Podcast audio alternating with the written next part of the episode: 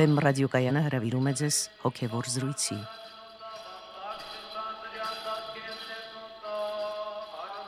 Սիրելի ունկնդիրներ, Վեմ ռադիոկայանի եթերում են արժանապատիվ տեր Մեսրոպ Քահանա Արամյանը եւ Արա Սարգսակ Նալչաջյանը։ Մեր նախորդ զրույցն իրենց ներկայացնում էր մի ներածություն 9 երանիների, որոնք հիմքն ու խտացումն են հոգևոր կյանքի։ Ծրագրելով զատ-զատ քննարկել այս 9 երանիներից յուրաքանչյուրը, այսօր անդրադառնանք դրանցից առաջինին։ Օրհնեցեք Տեր։ Աստված օրհնի։ Տեր Երանիներից Առաջինը, որը Քրիստոս խոսեց Լեռան քարոզի ժամանակ, որոնցով սկսեց Լեռան քարոզը, հետևյալն է. Երանի հոգով աղքատներին, քանզի նրանցն է երկնքի արքայությունը։ Այս երանությունը հաճախ տարեմբռնումների տեղիք է տալիս մարդկանց մոտ, թե ինչ է նշանակում լինել հոգով աղքատ։ Այս հարցով մեր թղթակիցը դիմել է մարդկանց եւ ահա թե ինչ պատասխաններ են նրանք տվել որոնք նոր են մտնում դեպի հավատ, դեռ չճանաչելով մտնում են դեպի հավատ։ Ես այդպես եմ հասկանում։ Միշտ լինես աղքատ, որպեսի ձգտես այն լծվի։ Այսքան ինչքան ունենաս ունենաս, գաս որ աղքատ ես։ Երևի թե հոգով աղքատ լինել նշանակում է, որ անհատը անձը իր առաջ նպատակ չդնի, խորամուխ լինի, ինչ որ աշխարհի ստեղծման գաղտնիքներում եւ այլն եւ այս կարգի ինչ որ հարցեր չդնի իր առաջ, ուղղակի ապրի եւ վայելի կյանքը, եթե կարելի է այդպես ասել, ապրի եւ դժբախտությունների եւ եւ ուրախությունները ուղղակի լինի մարդ հարարած, սա է, եւ չփորձի ձգտի ու հասնի այնց բաների, որոնք ի վերուստ ուղղակի տրված չեն մարդուն։ Մարդի հոգով աղքատ չլինի, հարուստ լինի երևի, ավելի շուտ։ Չեմ կարող ասել ինչ է նշանակում լինել հոգով աղքատ։ Սա չեմ մտածել այս հարցի շուրջ, չգիտեմ չեմ անում։ Ես իրոքան հավատացյալ եմ ու կոմունիստական դաստիարակությունը, որի համար շատ գոհ եմ։ Հոգով աղքատ, որը անկիրթ է, որը կրթություն չունի, որը երաժշտություն չի հասկանում, արվեստ չի հասկանում եւ ընդհանրապես բոլոր ասպարեզներում։ Այդ ուրիշ տարբերություն չեմ զգում։ Բարություն միգուցե։ Այսօր էլ չես տենում, ինչքան մարդիկ սկսեցին ավելի շատ հավատալ, ավելի մարդիկ դաժանացան։ Հոգով աղքատ պատկերացնում եմ մարդ, որ հոգով ծարավի է սիրո, հոգևոր գիտելիքի, անընդհատ ստանալու ու լրացնելու տեղ ունի։ Միշտ հոգին լցնելու տեղ ունի։ Իմ կարծիքով հոգով աղքատ նշանակում է լինել մեղքերից զերծ։ Ստենց եմ հասկանում։ Երանի հոգով աղքատ է, այսինքն Երանի նրանց, որոնք իրենց վերջ չեն դասում մնացած ժողովրդից։ Իմ կարծիքով դա է։ Տերեր, ինչպես տեսանք, կարծիքները զանազան էին, տարբեր են նաև խնդրի դիտարկման տեսանկյունները։ Մասնավորապես հոգով աղքատ համարում են այն մարդիկ, ովքեր ձգտում ունեն լցնելու սեփական հոգին, եւ նաև հայտնվեց տեսակետ, որ հոգով աղքատ լինել պետք չէ, հոգով հարուստ պետք է լինել, Նաև հայտնվեց տեսակետ, որ հոգով աղքատ կարող են համարվել այն մարդիկ, ովքեր խորամուխ չեն լինում աշխարհաստեղծման եւ առասարակ զանազան հոգեվոր խորախորուրդ իրողությունների մեջ, այլ բավարարվում են ավելի པարս մոտեցմամբ նմանատիպ հարցերին։ Նաև կոմունիստական դաստիարակության արդյունք հանդիսացող մի տեսակետ հայտնվեց եւ հենց խոսացողը ինքն էլ շեշտեց այս մասին, որ հոգով աղքատ լինել նշանակում է սիրել մշակույթը, արվեստները եւ այլն։ Եվ նաև որ հոգով աղքատ լինել այն է, որ սեփական անձը վեր չդասել այլ մարդկանցից։ Խնդրեմ ձեր գնահատականը արտահայտված այս կարծիքներին կամ կառանձնացնեք ինչ որ առանձին շեշտեր այս ամբողջ համաբույլից կարծիքների։ Կարծիքներից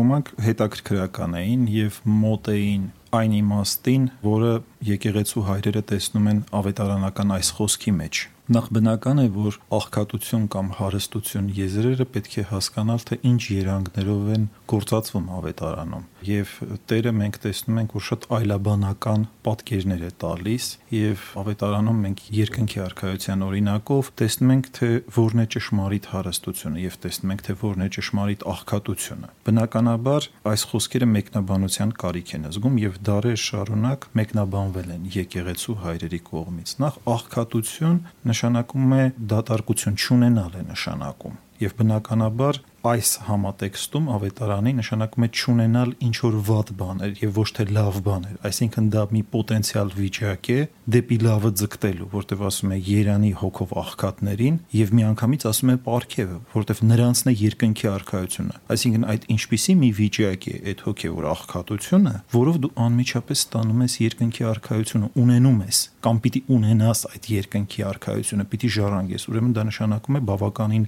բարձր հոգեվոր վիճակ, եթե կարող ենք ասել նույնիսկ առաքինական շատ բարձր վիճակ, որովհետև պարքևը, որը որ պետք է ստանա, ըստ էության ոչ այլ ինչ է, եթե ոչ կրոնական բոլոր մարդու կրոնական բոլոր ձգտումների նպատակակետը երկնքի արխայությունը որովհետև Տերը մենք տեսնում ենք բազմաթիվ առակներով ներկայացնում է այդ երկնքի արխայությունը եւ նշում է թե ինչպիսի զոհողությունների մարդը պետք է գնա, որպեսի այդ երկնքի արխայությունը ձեռք բերի։ Իհարկե, ասելով, որ նաեւ այդ երկնքի արխայությունը ձեր մեջ է, ձեր հոգում է այդ երկնքի արխայությունը։ Այսինքն դա հերավոր մի իրողություն չէ, այլ ներքին իրողություն է եւ յուրաքանչյուր մարդ կարող է հասնել այդ իրողությանը, բայց հասնելու համար մարդը ինչ որ քայլեր պետք է կատարի, ինչ որ դռնից ներս պետք է մտնի։ Ահա այդ դռնից ներս մտնելը հենց նշանակում է հոգով աղքատություն։ Հոգով աղքատություն նշանակում է աղքատ լինել կամ թոթափված լինել կամ ազատագրված լինել այս աշխարհի կապանքներից, մեղքից հատկապես եւ նախ եւ առաջ։ Ուրեմն հոգով աղքատություն նշանակում է թոթափված լինել մեղքից եւ ճարիքից կամ նշանակում է հրաժարվել այդ ճարիքից, հեռանալ։ Սա է աղքատությունը, որովհետեւ հարստությունը շատ հաճախ մարդիկ շատ աշխարհիկ են հասկանում չեն հասկանում թե որն է ճշմարիտ հոգևոր հարստությունը։ Եվ հարստություն հասկանում են հենց այն մարդու պես, որը ասաց, որ ինքը չի հավատում, հարուստ լինել նշանակում է հոգով հարուստ պետք է լինել, ասում է, նշանակում է ծանոթ լինել երաժշտությանը, գրականությանը եւ այլն, լրիվ ուրիշ տեղ է գնում, չի հասկանում հոգևոր կոնտեքստը այս դարձվածը։ Եվ ես հիշում եմ, որ դա կոմունիստական շրջանում բավականին ծաղրալից մի արտահայտության էր վերածված հոգևոր աղքատությունը ձեռ էին առնում քրիստոնյաներին։ Մի ուսուցիչ ունեինք, որը երբ որ երեխաները դասերը չէին սովորել եւ այլն, գալիս էր եւ ծաղրալից արտահայտությամբ ասում էր Երանի հոգով աղքատներին, նայելով դասը չսովորած երեխաների վրա։ Այսինքն դա համարվում էր տգիտության մի վիճակ, բայց արդեն ավետարանից մենք գիտենք, որ Աստծո հիմարը առավել իմաստուն է, քան այս աշխարհի բոլոր իմաստունները, որտեղ Աստծո հիմարը ազատագրված է մեղքի ոլորտից, մեղքից, եւ ինքը ձգտում է դեպի երկնքի արխայություն։ Էնպես որ հոգին պետք է հարստացնել անանց բաներով, որոնք չեն փոփոխվում, որոնք հավիտենական արժեքներ են։ Հենց սրանք են այն գանձերը, որ մարդ պետք է ջանա ձեռք բերել իր կյանքի ընթացքում, ասում է գանձեր մի դիզեք երկրի վրա, որտեղ ցեցն է ապականում եւ այլն այլ երկնքում, որտեղ ասում է գողերը չեն կարող հապշտակել եւ այլն, բայց այդ գանձերը միայն սոսկ նյութական գանձերի մասին չէ խոսքը այստեղ գնում, այլ նաեւ այն բոլոր այսպես կոչված այս աշխարհիկ առումով կոչված հոգևոր հարստությունների մասին է գնում խոսքը։ Դրանք կարող են լինել մտավոր հարստություններ, զանազան տիպի, որոնցով մարդը կարճում է այս աշխարհին եւ չի թողնում տեղ հավիտենական կյանքի համար, այդ հավիտենական անանց արժեքների համար։ Պաստորեն կարող ենք դրա վերջի խոսքից եզրակացնել, որ ճիշտ էր այն ունկնդրի ասածը, որ ասում էր, թե պետք չէ խորախորուրդ իրողությունների մեջ փորձել խորամուխ լինել, հոգևոր օրինակ աշխարհաստեղծման ինչ-ինչ իրողությունների մեջ եւ այդ դեպքում մենք կհամարվենք հոգով աղքատ։ Ոչ, այդ տեսանկյունը այդքան էլ ճիշտ չի, այսինքն հավատքը մարդուն ոչ թե տանում է դեպի տգիտություն, այլ հավատքը մարդուն տանում է դեպի էական ճանաչողություն։ Եվ նույնիսկ զորացնում է մարդու բոլոր ճանաչողական կարողությունները։ Խորապես սխալվում են նրանք, ովքեր կարծում են, որ հավատքը ինչ որ գիտելիքի դեմ է, ինչ որ գիտության դեմ է, արվեստի դեմ է եւ այլն եւ ընդհակառակը մենք տեսնում ենք հենց հավատքի գրկում, այսինքն եկեղեցու գրկում այդ բոլոր գիտությունները եւ արվեստները յուրօրինակ մի բարձունք են հասել հատկապես հայկական միջավայրում։ Ուրեմն դա լրիվ սխալ կարծիք է։ Բայց շատ կարևոր է որ դու ոչ միայն նույնիսկ թոթափված լինես մեղքի ոլորտից կամ մեղքից հեռացած լինես, այլ նաև այն բոլոր պատկերացումներից եւ ձգտումներից ու բաղձանքներից, որոնցով դու սնում ես քո եսը այս աշխարհում։ Նույնիսկ կարող են դրանք լինել որոշակի առաքինություններ Տեսեք, եկեղեցու հայրերը ասում են առաքինի ես, բարի ես, լավն ես, թող այդ ամենը։ Արա այն ինչ որ որ գրված է ավետարանում։ Եվ շատ հաճախ մենք սրանցով սնում ենք մեզ եւ հպարտանում ենք։ Մեր եսն ենք ուրճացնում եւ տեղ չենք թողնում Աստծո շնորհի ներգործության։ Եվ կարող ենք իսկապես ասել, որ հոգով աղքատ մարդը այն մարդն է, որը իր հոգին բացել է Աստծո շնորհի ներգործության համար, որ ինքը թոթափել է այս աշխարհի պատրանքներից, թոթափել է իր եսի պատրանքներից, իր ստեղծած աշխարից եւ բացել է իր հոգին Աստծո համար, որպեսի ինքը Աստծո հետ միավորվելով եւ ունենա էական գիտություն իր մասին եւ այս աշխարհի մասին։ Եվ բացի դրանից հոգով աղքատությունը եկեղեցու հայրերը անվանում են նաեւ կամավոր խոնարհություն որը մարդուն զերծ է պահում ամեն տեսակ փորձություններից եւ կամավոր խոնարհության առաջին նշանները ըստ եկեղեցու հայրերի փախչելն է գովեստներից որոնցով դու ուրճացնում ես նորից քո եսը եւ ուրախությամբ ու ցնծությամբ հանդիմանությունները ընդունելն է Այսինքն դա ներքին շատ որոշակի մի վիճակ է, այդ վիճակում մարդը կարող է շատ հաջողությամբ պայքարել բոլոր չարի այն ուժերի դեմ, որոնք կոչված են ընդհանրապես ոչնչացնելու մարդկային բնությունը եւ մարդուն հեռացնելու երկնքի արխայության իրողությունից։ Եվ հենց այդ կամավոր խոնարհության մեջ էլ համաձայն եկեղեցու հայրերի մարդու մեջ բացահայտվում է երկնքի արխայությունը, այդ ներքին իրողությունը։ Պաստորեն, եթե մարդ ունի այս նշանները, որ խուսափում է գովեստներից եւ սիրով ընդունում է արդարացի հանդիմանությունը, կարող է եզրակացություն անել, որ հոգով աղքատ վիճակը մասնակիորեն վերաբերում է իրեն, այո, կամ որ ինքը ճիշտ է հիմքը դրել իր քրիստոնեական կյանքի։ Այո, որովհետև երբ որ ինքը այդ վիճակում է, ինքը շատ հարուստ վիճակում է, ինքը ամենահարուստ մարդն է այս աշխարհում իրականության մեջ, որովհետև ինքը որովհետև երկնքի արխայությունն է, երկնքի արխայությունից ավելի արժեքավոր բան չկա, այսինքն դա բոլոր բարիքների ամբողջությունն է, անանց որ Աստված մարդուն տալիս է։ Ուրեմն երկնքի արխայությունն է այդ մարդունի, բայց զարմանալի մի բան, այդ մարդը կոչվում է հոգով աղքատ, որովհետև այդ մարդը ոչ մի բան իրեն չի վերագրում, համարում է ինչ որ որ ինքը ունի, դա Աստծուց է իր մեջ դրած Փաստորեն լինել հոգով աղքատ նշանակում է լինել հոգով հարուստ, ստացվում է։ Այո, բայց հարուստ ոչ այն իմաստով, ինչպես այս աշխարհն է հասկանում, որտեղ այս աշխարհը լրիվ այլ իմաստ է տեսնում հարստության մեջ։ Դրա համար երբ որ Տերը ասում էր իմ խաղաղությունն եմ թողում ձեզ ասում էր նաև ոչ այնպես ինչպես այս աշխարհն է տալիս որպեսզի հանկարծ դու այդ խաղաղությունը չշփոթես այս աշխարհի խաղաղության հետ այնպես էլ երբ որ մենք խոսում ենք արդեն հոգևոր հարստության մասին գործածում ենք երկնքի արխայություն երանություն եւ այլ եզրեր ենք օգտագործում որպեսզի հանկարծ դա չշփոթվի աշխարհիկ հարստության հետ Դեր ձեր խոսքի մեջ դուք ասացիք, որ հոգով աղքատ լինել նշանակում է հրաժարվել մեղքից նաև հրաժարվել աշխարհիկ բաներից։ Շատ հետաքրքրական է Սուրբ Գրիգոր Տաթևացու սահմանումը, թե ինչ է հոգու աղքատություն եւ ովքեր են հոգու աղքատները, որը սկսվում է հենց նմանատիպ ձևակերպմամբ։ Հոգու աղքատությունը հրաժարումն է աշխարից, այսինքն մարմնական սիրո հեշտություններից եւ փարթամություններից ու պատվից։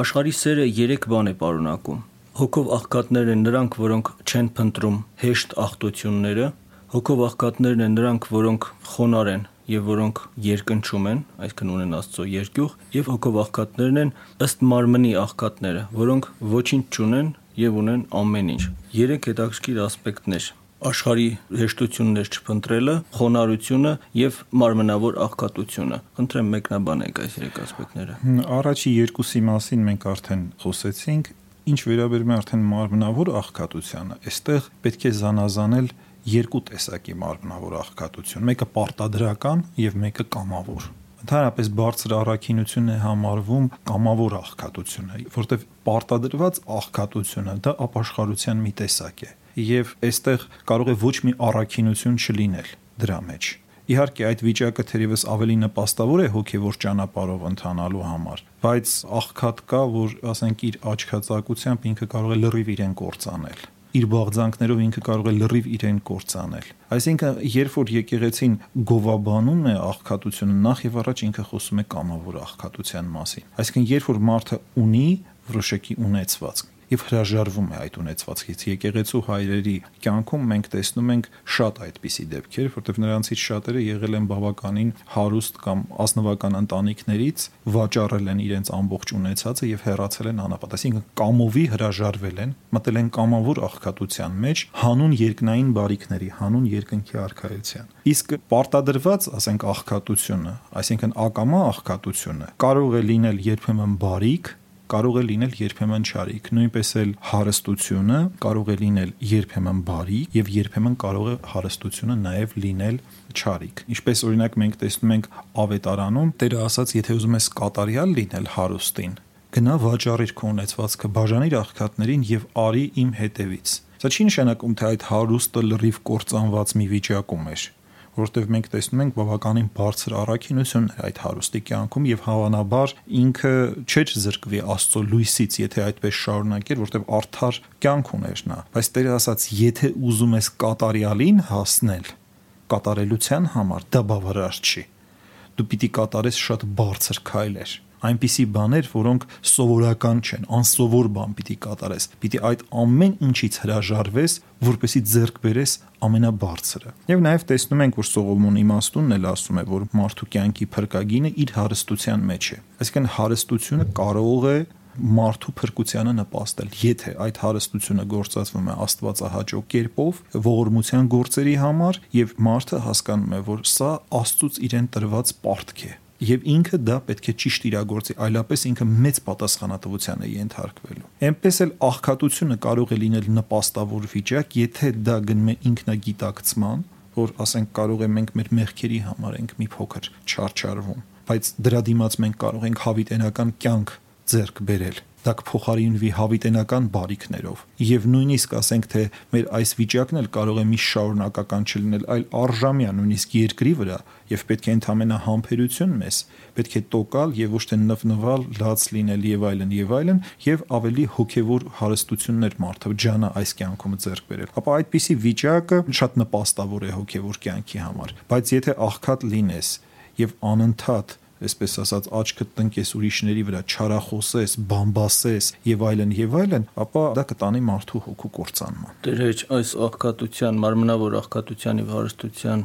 քննարկումը եւ սրա կապումը հոգեվոր աղքատ եւ հոգեվոր հարուստ լինելու հետ ինձ դրթեց մտորելու հետեւյալի մասին։ Սուրբ Գրիգոր Տաթևացին երբ շեշտում է այս երեք ասպեկտները, Ասում է այն մարդիկ են նաև հոգովախկատները առաջին կետը որ ասում է որոնք չեն փնտրում հեշտ ախտությունները կամ հեշտության ախտերը։ Հիմա եթե մարդը ուրեմն ինքը իրեն շրջապատել է թեկուզ որոշակի չափով, ոչ շատ ճոխ չափով, ասենք հեշտություններով, կենցաղային հարմարություններով, միթե դա մարդուն կարող է զրկել հոգովախկատ լինելու այս բարձր պատվից։ Եթե մարդը դա դարձնում իր կյանքի նպատակ,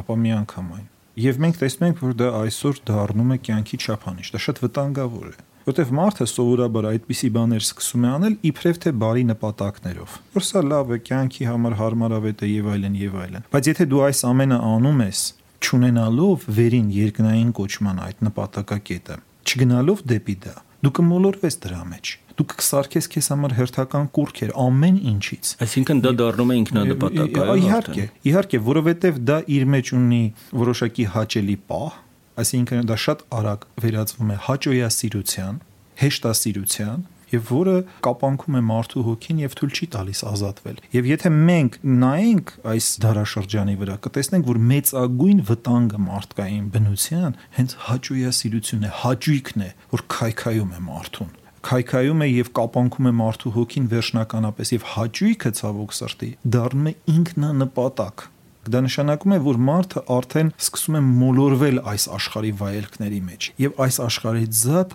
այլևս ուրիշ բան չի տեսնում կեր խմի քեֆարա բանաձևի համաձայն դա է դառնում մարդկային կյանքի նպատակը եւ սրանից պետք է զգուշանալ այսինքն եկեղեցին նորից ուզում եմ ասել որ դեմ չէ որևէ հարմարավետության որովհետև եթե դու ինչ որ աշխատանք ես կատարում, ուրեմն քեզ պետք են համապատասխան հարմար գործիքներ։ Եթե այսօր կա կոմպյուտեր, դու կարող ես կոմպյուտերով մեքենա գրել, անպայման չի որ նստես ձեռքով եւ թանակով գրես, եւ դա հարմարավետություն է բայց դա պետք է գործածես պատշաճ նպատակների համար եւ ոչ թե այդ կոմպյուտերը գործածես, ասենք օրինակի համար անընդհատ անառակ ինչ որ սայթեր այցելելու համար եւ այլն եւ այլն այդ կոմպյուտերը դու կարող ես գործածել գրադարաններ մտնելու համար, ինչ որ տեղեկություններ ստանալու եւ այլն բազմաթիվ լավ նպատակներով, բայց արի ու տես, որ այսօր աշխարհում դա գործածվում է ավելի շատ չար նպատակով եթե ստատիստիկա մենք վերցնենք, թե ինչպիսի սայթեր են մարդիկ այցելում, ավելի շատ ուրեմն այդ նպատակով, քան բարի նպատակով է գործածում։ Էնպես որ ամեն ինչ մարդու ձեռքին է եւ ամեն բան մարդը կարող է փչացնել եւ ամեն բան մարդը կարող է օգտագործել իր փրկության համար։ Կախված է մարդուց, թե ինչ է մարդը դրա մեջ տեսնում, բայց մենք ուղղակի պարտավոր ենք զգուշացնել մարդկանց, որ երկրավոր ցանկացած հաճույքի մեջ կա բավականին մեծ վտանգ, հոգին կորցնելու վտանգ կա։ Եվ պետք չէ որ մարդը այդ հաճույքը դարձնի իր կյանքի վերջնական նպատակը։ Եվ դա այսօր ամենասպառնալից երևույթն է այդ հեդոնիզմի երևույթը, ամենասպառնալից բանն է ժամանակակից քաղաքակրթության համար եւ ոչ միայն համաձայն քրիստոնեական վարդապետության, այլ շատ մտածողներ, այսօր շատ փիլիսոփաներ դրա մեջ տեսնում են նաեւ աշխարհի կործանման նախահիմքը, եթե մարդկությունը այսպես շարունակի։ Իսկապես թերևս այդ պատճառով է նաև որ մարմնավոր աղքատները նույնպես կոչվում են հոգով աղքատներ։ Տերեր, իսկ խոնարհության հարցին եթե անդրադառնանք, Սուրբ Գրիգոր Տաթևացին ասում է հոգով աղքատները խոնարհներն են, որոնք երկնչում են, այսինքն որոնք ունեն երկյուղ, Աստծո երկյուղ կարելի է միանշանակ ասել, որ ունենալ Աստծո երկյուղ նշանակում է լինել հոգով աղքատ եւ ինչպես են այս երկու հասկացությունները կապվում միմյանց հետ կամ խոնարհությունը ինչպես է կապվում երկյուղի հետ։ Ուրեմն խոնարհության մասին խոսեցինք, երկյուղի պահն է շատ հետաքրքրական։ Եկեղեցու հայրերը ասում են, որ Աստծո երկյուղը չի կարող լինել մեկի հոգում, եթե այդ մարդը դեռևս այս աշխարհում վախենում է որևէ բանից։ Այսինքն, եթե դու այս աշխարհում ունես ինչ-ինչ կապանքներ, դեռ դու չես կարող հասնել Աստծո ճշմարիտ երկյուղին։ Դա շատ նուրբ զգացողություն է Աստծո երկյուղը։ Եվ եկեղեցու հայրերը ասում են, ինչքան էլ խոսենք դրա մասին, դա բավական չէ որովհետև դա պետք է ճաշակել։ Եվ այդ ճաշակելու համար ասում են ոչ մի խոսք չի կարող տալ մի խոսքով քեզ այդ ճաշակումը, քանի դեռ դու չես հանդիպել այնպիսի մեկի, որը ունի Աստծո ճշմարիտ երկյուղը։ Եւ հենց այս բացատրությունից մենք տեսնում ենք, որ Աստծո երկյուղը նշանակում է արդեն կատարյալ ազատագրված վիճակ դա ինչ որ առումով եկեղեցու հայրերը ասում են նաև որ սիրո առաջին աստիճանն է ճշմարիտ աստվածային սիրո դա մի երկյուղ է որ դու վախենում ես կորցնել աստծուն դա ոչ թե երկյուղ է ինչ որ դժողքի տանջանքներից թեպետ այդպիսի մեկնաբանություններ էլ կան չարչարանքներից եւ այլն այսինքն ոչ թե ինչ որ օրինական կամ վաղճանաբանական երկյուղ է այլ երկյուղ է սիրո երբ որ մեկը մեկին սիրում է եւ վախենում է նրան կորցնել, երկյուղում է նրան կորցնելուց։ Եվ այս նուրբ զգացողությունը մարդու մեջ կարող է լինել միմիայն այն դեպքում, երբ որ նա արդեն կորցրել է վախը այս աշխարհի նկատմամբ։ Եվ շատ հետաքրքրական է, որ մենք նույնիսկ տեսնում ենք, որ ամեհի կենթանիներ, առյուծներ եւ այլն զգացել են սա, եւ նույնիսկ սпасավորել են սուրբերին։ Եվ հենց որ մարդու մեջ առավելանում է այս սրբության զգացողությունը, այսինքն Աստծո երկյուղի զգաց, արդեն կենթանիներն էլ չեն վախենում այդ մարդուց, եւ ոչ միայն չեն վախենում, այլ կարող են գալ եւ սпасավորել այդ մարդուն։ Հայտնի օրինակներ կան սուրբերի կյանքից, եւ մինչեւ այսօր էլ այդ երևույթները կան աշխարհում եւ կան կենթանի, այսպես ասած, մարդիկ այս աշխարհում։ Ես համենայն դեպս ականատես եմ եղել Ռուսաստանում այդպիսի մի դեպքի, որ կենթանիներ, ասենք եղնիկներ եւ այլն մոտենում էին մարդու, որի մեջ կար այդ աստծո երկյուղի նշանները կային եւ կենթանիները զգում են եւ արդեն չեն փախչում այդպիսի մարդուց իսկ այլ մարդկանցից փախչում էին Դեր հայ անդրադառնանք այս Երանու հաջորդ կեսին շարունակությանը։ Ուրեմն Երանի հոգով աղքատներին ասում է եւ շարունակում, քանզի նրանցն է երկնքի արխայությունը։ Ինչ է այս երկնքի արխայությունը երկնքի արխայություն ասելով դա նախ պետք է ասել, որ կոնցեպտուալ եզր է երկնքի արխայությունը։ Դա ավետարանում Տերը գործածում է բազմաթիվ առակների մեջ այդ եզրը նկարագրելու համար, թե ինչ է երկնքի արխայությունը։ Եվ նույնիսկ մի այլ տեղ, երբ որ առաքյալները չէին հասկանում եւ խնդրում էին մեկնաբանել, ինքը ասում էր, որ առակներով եմ նրանց հետ խոսում, որտեղ ոչ բոլորին է տրված, ուրեմն դրա ճանաչողությունը։ Ուրեմն դա հոգեվոր բարիքների ամբողջությունն է։ Դա հենց այն կյանքն է, որը Տերը բերել է իր սուրբ մարդեղությամբ։ Մենք կարող ենք ասել, որ այդ երկնքի արխայության վիճակը մինչև մեր Տիրոջ մարմնավորումը փակ է եղել մարդկության համար այսինքն Հիսուս Քրիստոսով տրվեց մարդկությանը կատարյալ մի ճանապարհ, ազատագրման ճանապարհ, որով մարդը կարող է ստանալ այդ երկնքի արխայությունը, լինել ժառանգորդը այդ երկնքի արխայության։ Բայց թե ինչ է դա կոնկրետ երկնքի արխայությունը եւ ինչպիսի տարերից է դա բաղկացած դա ինչեւ վերջ բնութագրել հնարավոր չէ Պողոս Արաքյալը ասում է որ մենք հիմա տեսնում ենք դա իբրև թե հայելու մեջ բայց երբ որ գա ժամանակը մենք կտեսնենք դեմ հանդիման նույնիսկ երկնքի արխայության ամբողջությունը բացված չէ ինչեւ վերջ մեծամեծ սուրբերի համար եւ դա լինելու է միմիայն համընդհանուր դատաստանից հետո երբ որ սուրբերը, արթարները պիտի ժառանգեն այդ արխայությունը։ Նրանք դեռ սպասման վիճակում են։ Ուրեմն թե ինչ է նախապատրաստել Աստված մարդկանց համար։ Սա դժվար է հասկանալ մտքով, որտեղ դա ոչ մտքի համար է հասկանալի, ոչ սրտի մեջ է ընկել, այն ինչ որ որ Աստված պատրաստել է իր սիրելիների համար։ Բայց Արդեն այս կյանքում սա չի նշանակում, որ այդ երկնքի արարքայությունը բացարձակապես մի իրացիոնալ եւ վերացարկված մի բան է։ Այս կյանքում մարդը կարող է ձեռք բերել այդ արխայությունը այդ արխայության նշաններ, այդ կյանքը իր մեջ։ Այդ դեպքում արդեն երկնքի արխայության ժառանգությունը կնշանակի քո ձեռք բերածի ճշմարիտ շարունակությունը արդեն հավիտենական կյանքում եւ երկնքի արխայություն նախ եւ առաջ նշանակում է Աստծուն ունենալ քո մեջ Աստծո Սուրբ Հոգին ունենալ քո մեջ դա նշանակում է անընդհատ քո ներսում աշխատել Աստծո շնորի հետ Դա նշանակում է անընդհատ քո սրտի զոհասեղանի վրա ուրեմն սուրբ պատարակ մատուցել Աստծո համար, անուշահոտ խունկ մատուցել։ Դա նշանակում է առաքինասեր կյանք, դա նշանակում է Աստծո երկյուղ։ Բազմաթիվ այլ սահմանումներ ունի երկնքի արխայությունը եւ արխայությունը եւ նշաններ ունի։ Եվ մենք այս կամ այն նշանով կարող ենք ասել, որ կա այս մարդու մեջ այդ արխայությունը, թե ոչ։ Եվ համար առաջի նշանը իհարկե ըստ եկեղեցու հայրերի դա խոնարհության աճն է մարդու մեջ կամավոր խոնարհության աճն է երբ որ տեսնում ես որ մարդը հեռանում է գովեստներից եւ ոչ միայն հեռանում է նորից եմ ասում ուրախությամբ է ընդունում հանդիմանությունները եկեղեցու հայրերը ուղակի ասում են եթե ուզում ես տեսնել թե մեկը ուր է հասել իր անհատական խոնարհության մեջ նայիր նրա վրա երբ որ նրան հանդիմանում Եթե սիրով ընդունեց այդ հանդիմանությունը, անկեղծ սիրով, ոչ թե ձևականորեն ընդունեց, եւ ուրախացավ այդ հանդիմանության համար, ուրեմն նա մտեցել է ճշմարիտ խոնարհության մատույցներին։ Իսկ կատարյալ խոնարհությունը արդեն դա սրբության վիճակ է, որովհետև կատարյալ խոնարհություն նշանակում է նաև Քրիստոսանմանություն, որովհետև խոնարհության հենց կերպարը ինքը Քրիստոսն է, որ իր անսահման բարձունքներից խոնարհվեց մեր մարդկային նվաստության մեջ մեզ փրկagorցելու համար եւ խոնարհվեց մինչեւ անարգ մի մահի խաչի վրա մահվան, ծաղրվեց, ծեծվեց, թքեցին նրա վրա եւ խաչեցին նրան։ Այդպիսի անարգանքների ենթարկվեց, որպեսի մեր մարդկային նվաստությունը բարձրացնի երկնքի այդ բարձունքներ։ Ուրեմն կամավոր խոնարհություն դա նշանակում է ուղակի քրիստոսանմանություն։ Տերեր, մենք բնակվում ենք, ապրում ենք երկրավոր իրականության մեջ, սակայն այստեղ խոսվում է երկնքի արխայության մասին։ Երկինք, որը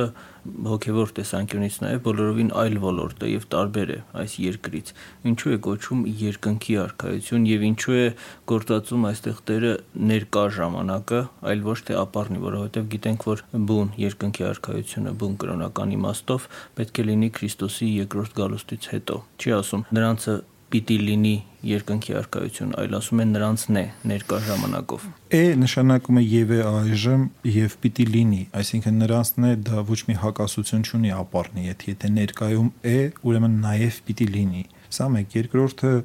երկնքի արքայությունը, ինչպես ասեցի, դա աստվածաբանական եզր է, որոնցով բնորոշվում է Աստծո տված բարիքների ամբողջությունը եւ հաճախ դրա համար գործածում է երկինք եզրը, այսինքն երկինքը այստեղ դա որոշակի ոչ միայն սիմվոլիզմ է, այլ նաև որոշակի հոգևոր իրողություն է։ Երկինքը դա համարվում է այն վայրը,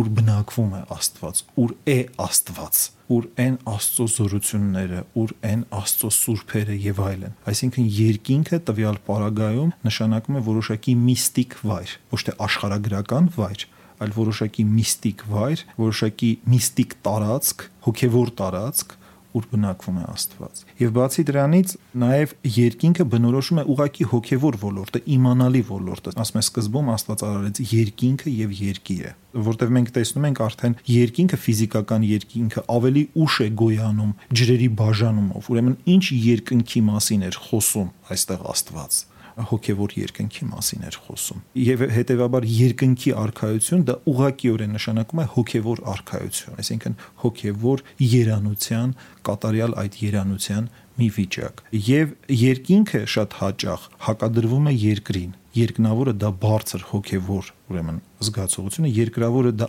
այն է որը տանում է մարդուն դեպի մեղք մարմնի ծառայության։ Այսինքն երկրավորը շատ հաճախ նույնանում է մեղքի եւ ապականության հետ, որովհետեւ դա, այսպես ասած, անիցիալ բնության արդեն զանազան դրսևորումներն է իր մեջ պարունակում եւ շատ հաճախ երբ որ հայրերը այս աշխարհ եզրն են գործածում այս աշխարհ ասելով ոչ թե նրանք հասկանում են նյութական ոլորտը նյութը ինքնին որը ճարիք չէ այլ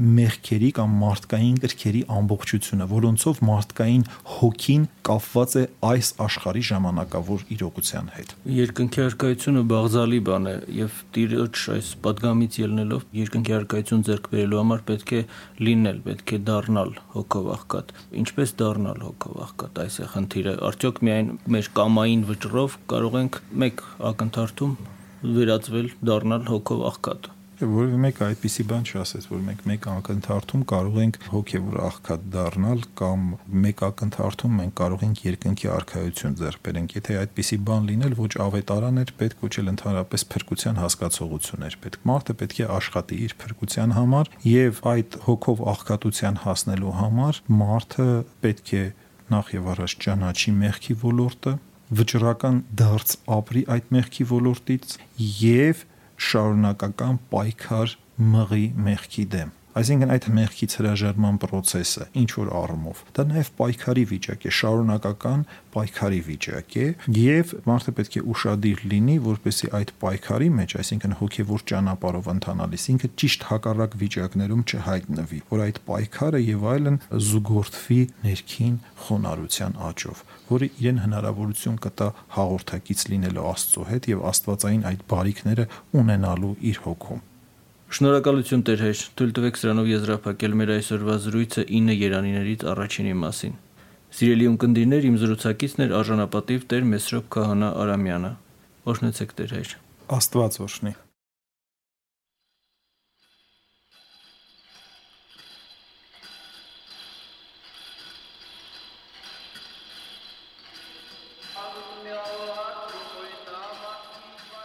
Հոգևոր զրույցներ հաղորդաշարի հերթական հաղորդումը վարեց Արաս Սարգսակ Նալչաջյանը։